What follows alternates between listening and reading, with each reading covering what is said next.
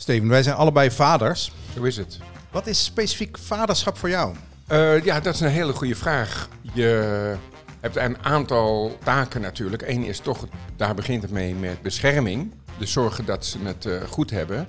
En het tweede, de tweede taak vind ik toch wel de socialisatie. Een beetje ingewikkeld woord, maar dus dat ze een mens worden. Een, een, een, een, een mensenkind is een wezen dat de potentie heeft om een mens te worden. Maar als je niks doet, dan gebeurt het niet. Dus uh, de invloed van buiten is bij geen diersoort groter uh, dan bij de mens. Wat er in de omgeving van het kind gebeurt bij de mens, draagt juist bij ons soort het meest toe aan wie je wordt. Dat is, dus bij een, bij een is dat veel minder natuurlijk, om maar eens wat te noemen. Je luistert naar de 018 Bennis en Podcast. De podcast over de ontwikkeling van kinderen tussen de 0 en 18 jaar. De podcast wordt gepresenteerd door twee vaders.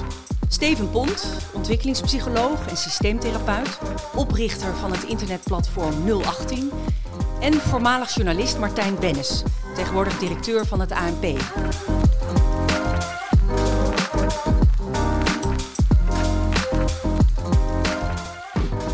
volgens mij, daar gaan we het dus over hebben, deze podcast. Hè? Maar volgens mij heb je het meer over ouderschap dan over specifieke vaderschap. En ik ben benieuwd of we daar een beetje de vinger achter krijgen. Wat nou eigenlijk de specifieke vaderrol ja. is. Nou, dat is een stuk ingewikkelder, omdat die heel erg gekoppeld is aan de moederrol en aan de kindrol. Dus uh, het ene kind vraagt iets anders van het vaderschap dan het andere kind. Dus het is niet zo makkelijk uh, te duiden. En je wordt dus eigenlijk die vader in relatie uh, tot je kind. Dus het is heel moeilijk om van tevoren al vast te stellen wat die nou precies is. Oké, maar voordat we helemaal in de in de wetenschap duiken of in de, zeg maar de abstractie. Voor jouzelf, wat, was, wat betekende het om vader te worden voor jou? Nou, ehm, ik heb, uh, voordat ik vader werd, heb ik twintig jaar met kinderen gewerkt. Hè? Dan, dan, dan weet je natuurlijk het een en ander en je hebt er veel ervaring mee.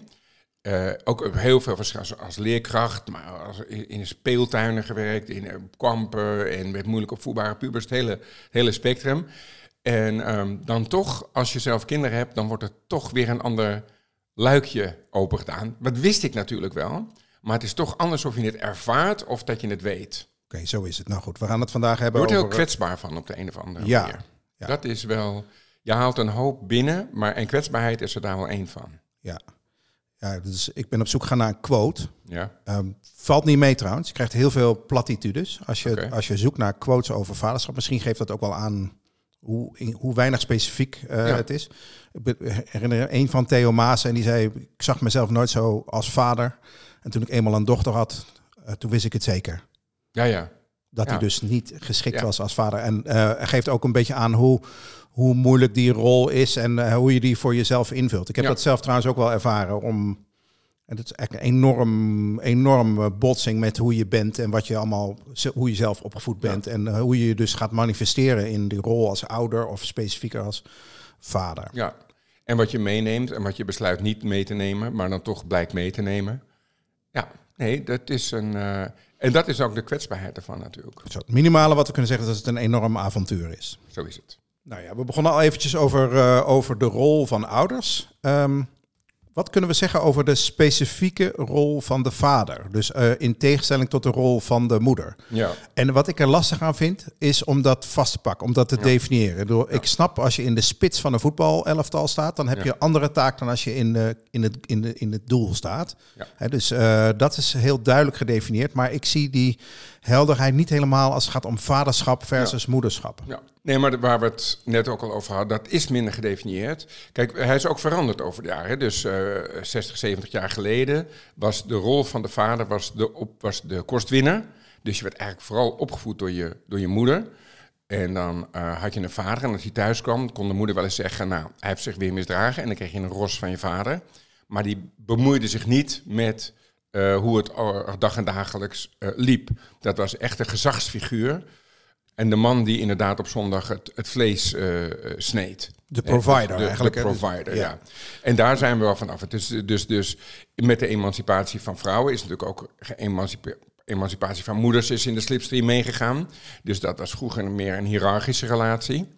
ik geloof tot 1976, was, mocht je niet als vrouw besluiten te scheiden of zo. Hè? Dus dat, is, dat was echt een hiërarchische relatie. En nu is het veel een symmetrische relatie, veel meer gelijkgeschakeld. Dus ook uh, de vaderrol is daarmee veel meer gelijkgeschakeld. Tegelijkertijd um, ben je niet gelijk. En we zien ook dat ouders die gedifferentieerd zijn, dat wil zeggen, dus de moeder doet iets anders dan de vader. Dus dat ze een eigen invulling geven dat dat stabielere kinderen oplevert. Dus het idee van je moet precies hetzelfde doen, dat is niet waar. Dus je moet niet meer zakgeld krijgen van je vader dan van je moeder. Dan, daarin moet je hetzelfde doen. Maar we zien bijvoorbeeld dat vaders uh, spelen wat minder met hun kinderen. Maar als ze spelen, spelen ze fysieker. En ze praten wat minder tegen hun kinderen. Maar als ze praten tegen hun kinderen, om het zo maar even te zeggen, dan gebruiken ze moeilijke woorden.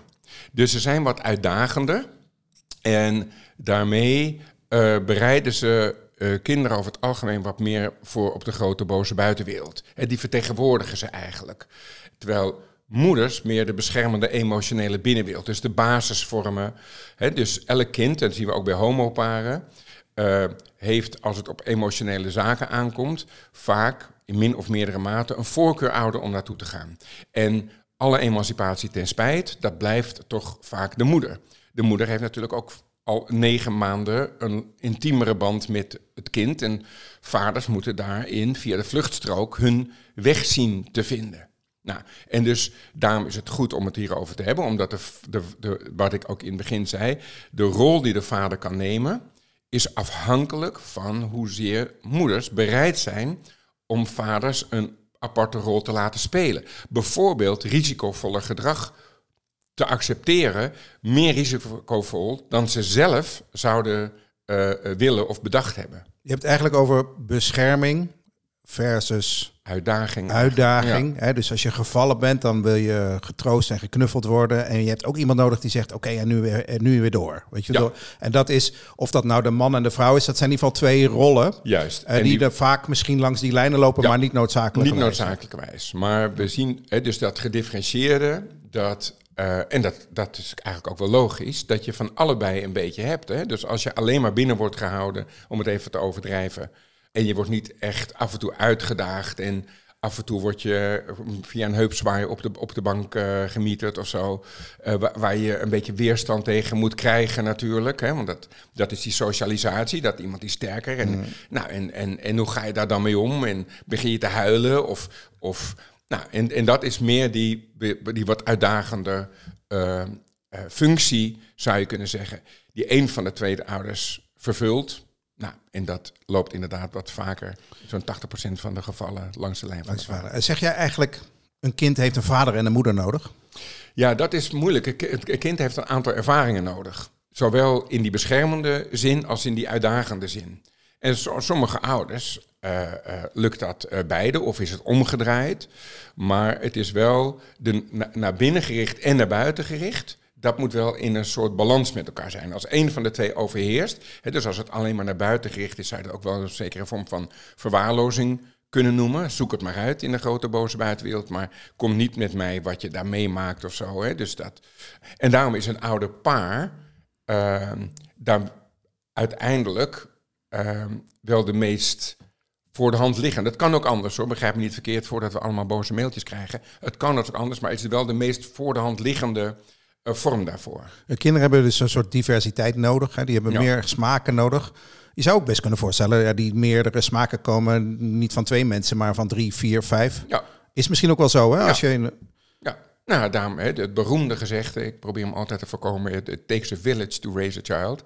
Dat is natuurlijk waar omdat, en dat gaat weer een andere kant op, maar kijk, als je, als je, je bron maar, als je informatie maar uit één bron haalt als kind, dus stel je hebt alleen één ouder en die uh, is uh, panisch voor spinnen, dan is de kans dat jij, is de grootste voorspeller natuurlijk, van dat een kind ook bang wordt voor spinnen. Totdat je er een andere volwassene, de vader of de oom of de voetbaltrainer naast hebt. En dan zie je, hè, maar je hoeft dus helemaal niet bang te zijn voor spinnen. En daarom is het goed om een gedifferentieerd uh, aanbod te krijgen. En daarom is het ook goed dat, dat je dat uit verschillende mensen krijgt. Even tussendoor, waarom, waarom vind je die uitspraak uh, vervelend? Takes a village, want het is toch ook wel een mooi beeld? Ja, maar hij is een beetje platgeslagen. Ja, dus, cliché geworden. Ja, het is een beetje, uh, ja. Overigens, ik zat net te denken, kijk, een kind heeft meerdere smaken nodig. Uh, ik heb zelf ook heel erg ervaren dat ik het heel fijn vind dat ik een, een collega heb in de opvoeding. Ja. iemand die dus ook weer een andere, ja. een andere smaak inbrengt. Maar het lijkt mij um, heel ingewikkeld om, het, om het alleen te doen. Daar gaan we het ook nog over hebben. Ja in een andere podcast. Maar, ja, over uh, oude gezinnen gaan we het nog hebben. Ja, maar dat je um, dat niet alleen een kind meerdere smaken nodig heeft, maar ook de ouders zelf um, die behoefte misschien wel hebben om um, tegenwicht te hebben in, in de manier waarop ze denken. Zeker, zeker. dus nou ja, daar gaan we zoals gezegd, uh, als we het over eenoudergezinnen gaan hebben, is een van de dingen is dat je dat niet hebt. Hè? Dus je kunt het niet even overnemen of je kunt hier niet even terugtrekken. Je, je, je moet gewoon constant aanstaan. Maar dat is meer de praktische invulling. Natuurlijk dat het met twee wat makkelijker is, maar dat geldt voor meer dingen. Uh, uh, maar de specifieke vaderrol, die heeft daar niet zoveel mee te maken. He, dat is gewoon, ja, met twee is het wat makkelijker. Maar inderdaad, die kan het overnemen. Ik weet niet of je dat herkent, maar je wordt zelf ook weer een beetje opgevoed. Heb je dat zo? Dat je dingen waarvan je wist, bijvoorbeeld dat je geduldiger, uh, dat je iets geduldiger moet leren te zijn als je kinderen krijgt. Nou, je wordt op alle denkbare manieren aangesproken ja. en tegen je grenzen aan, uh, ja. aangeduwd. Ja. Uh, nou, dat vind ik zo grappig van It Takes a Child to Raise a Village. Dat je zelf ook weer wordt opgevoed. Ja in je, je wordt zelf ook weer verder gesocialiseerd. Uh, wat, wat, was dat bij jou? Nou, ik denk dat ik een beter mens geworden ben uh, als vader. Omdat je de, uh, op je verantwoordelijkheden wordt aangesproken. Ik, denk, als ik, ik weet natuurlijk niet wat er gebeurd was als ik dat niet had nee. meegemaakt. Maar, de, de, maar ik concreet? zou me, um, ja, nadenken over um, hoe zet je een kind in de wereld. Hè? Dus wat geef je, geef je het mee? Dat, dat is een hele uitdagende vraag. Ja. Uh, waarbij je um, wat je zelf hebt meegekregen, dat heb ja. ik nu van jou uh, kopieer ik dat, maar uh, je kunt niet doorgeven wat je zelf niet hebt. Hè. Dus maar de, tegelijkertijd wil je natuurlijk wel proberen om het allerbeste af te leveren. Ja. Ik denk dat dat ouder, elke ouder dat wil. Die wil, wil maximale. Um, en voor jou persoonlijk, wat, wat, wat heeft zich ontwikkeld in je vaderschap? Wat anders ja. misschien ook ontwikkeld was, hoor. maar ik denk geduld, uh, bijvoorbeeld, voor mijzelf. Zou heel goed kunnen. Ik vind het heel lastig. Moet ik even goed over nadenken. Bij jou geduld? Ja, dat je, uh, je dus je kunt niet harder lopen dan je kind op bepaalde gebieden. Hè? En dat vind ik eigenlijk een hele gezonde ontwikkeling voor mijn persoonlijke ontwikkeling. Je bepaalt het allemaal niet meer zelf. Hè? Dus voordat we kinderen hadden, van nou, ik, ga, ik heb zin nu om dat ook. Ik heb zin om nu te tennissen, ga ik nu tennissen. Uh, nee, dus de, ook de, in die vorm van geduld. Hè? Nou, nee, dat, dat toch maar morgen, bij wijze van spreken. Maar ik heb er ook wel vaak gemerkt dat ik, uh, de frustratie zat er ook wel een beetje in, hier en ja. daar. Hè? Dus dat het, uh, dat het niet zo loopt zoals je zou willen lopen, uh, zoals je zou willen. En dat dat dan ook weer een leren is. Ja. Hè? Dus... Nee, maar zeker. Maar de bron van groei en ontwikkeling is het ook dat je ergens van af gaat. Ja. Dat, hè, dus je gaat ergens naartoe, maar je gaat dan ook ergens van af. Nou, uh, inderdaad, van, frust van, van frustratie, dat je minder met je frustratie kwijt kan. Je moet het gewoon doen. Soms frustrerend, maar voor de totale menswording niet, uh, niet slecht. Is er, is er eigenlijk een, een mogelijkheid om het te leren, vader te worden? Zijn er, wordt er iets aangeboden? Dat is eigenlijk, je wordt vader ja. en daarna ben je vader. Ja. Maar dat wil nog niet zeggen dat je nee, een goede vader bent. Ja, want er zijn wel steeds meer uh, vaderweekenden, uh, vader... En een deel daarvan, en dan komen we terug op waar we het eerder over hadden, is om weer uh, de man in de vader aan te mogen zetten. He, dus die gaan uh, hiken en die gaan uh, vuurtjes stoken. En om die wat meer mannelijke kant. Hè, er is natuurlijk toch een, een, zou je kunnen zeggen, een soort feminisering van de opvoeding. En dat sommige mannen het idee hebben dat ze heel erg in die feminine kant getrokken worden. Van je moet kwetsbaar zijn en je moet. En dan dus als tegenhanger in dat vaderschap. En dan hebben ze het met elkaar ook over. Van hoe behoud je je mannelijkheid in het vaderschap in een, in een gefeminiseerde wereld. Daar, ik ben het daar niet mee eens of oneens, maar eventjes dat er dus inderdaad krachten zijn die daar naar op zoek zijn. Is uh, vaderschap ten opzichte van jongens, hè, dus voor zonen, ja. uh, iets anders dan ten opzichte van dochters? Ja, hè, dus we zien, kijk, een, een, een vader is een identificatiefiguur voor de zoon, niet voor de dochter. We zien wel dat als er een goede band is tussen vader en dochter, dus de vader gaat respectvol om met de dochter, dat is een goede band, dat die meisjes ook hun partnerkeuze uh, uh, scherper maken. Die gaan met hun vader trouwen, eigenlijk. Nou ja, een soort. of die weten hoe het is om, respe om respect. Dus als die jongens iets doen, en, uh, en niet eens alleen seksueel, maar het gaat heel erg over, over grenzen. Uh, dan uh, zien we dat uh, die meisjes wat zekerder in een relatie staan met een man. Want dat, dat hebben ze dan al eens in zijn volle glorie meegemaakt.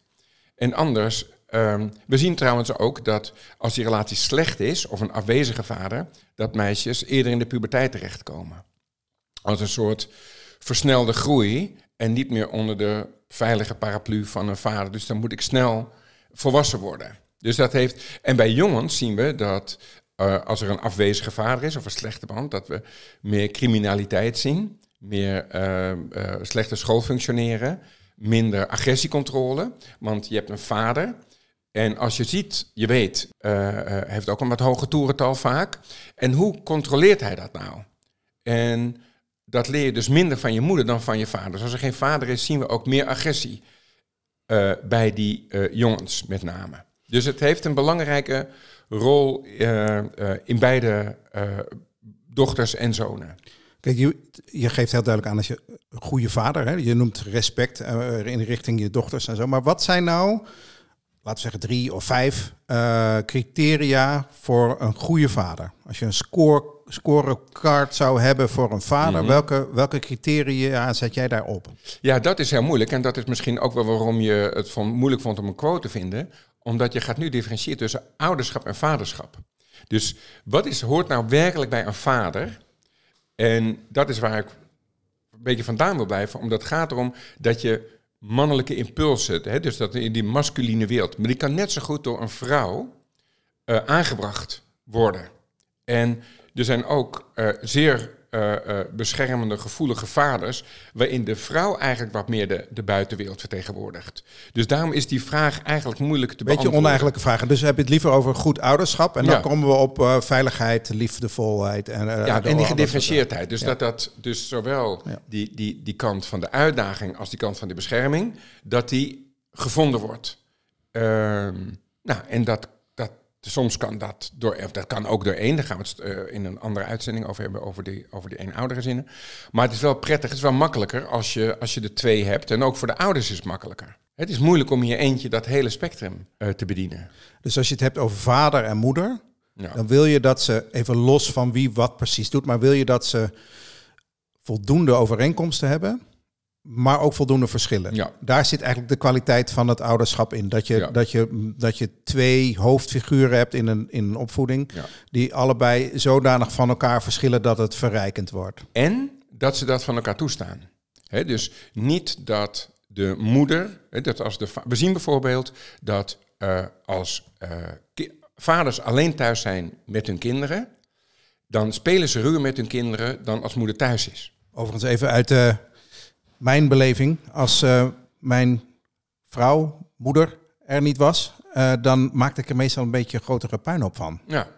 ja, de grenzen worden dan iets meer opgerekt. Dus de structuur, dat is dan kennelijk bij ons zo, hè? dus de structuurrol zit wat meer bij haar.